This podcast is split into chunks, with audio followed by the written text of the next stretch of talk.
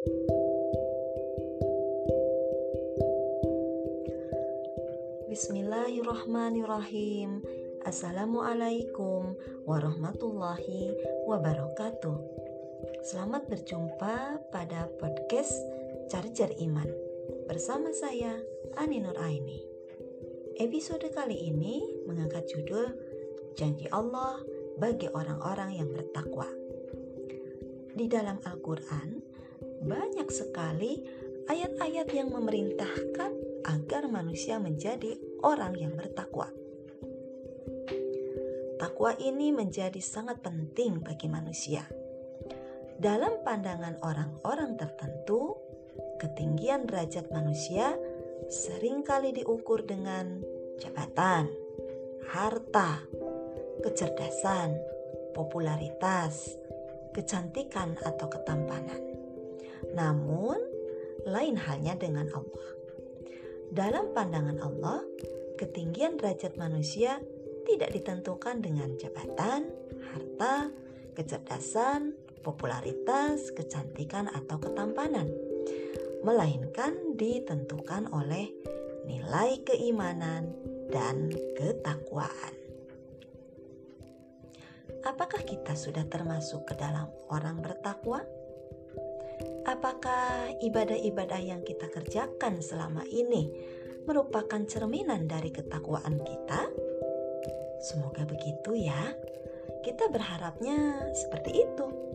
Semoga saja Allah dapat menilai ibadah-ibadah kita selama ini sebagai wujud dari ketakwaan kita. Allah telah memberikan janji bagi orang-orang yang bertakwa. Dan imanilah bahwa janji Allah itu benar. Adapun janji Allah bagi orang yang bertakwa adalah satu, orang yang bertakwa akan mendapatkan kemuliaan di sisi Allah. Dua, orang yang bertakwa akan diberikan jalan keluar dari segala persoalan yang dihadapinya.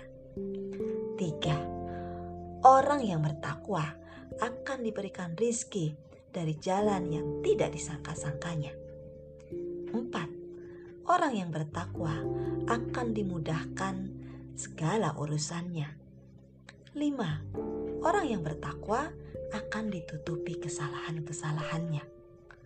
Enam, orang yang bertakwa akan dilipat gandakan pahala-pahalanya.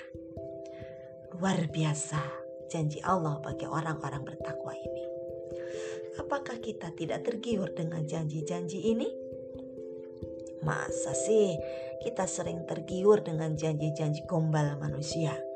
Tetapi dengan janji Allah yang benar-benar nyata dan hak, kok kita tidak tergiur ya?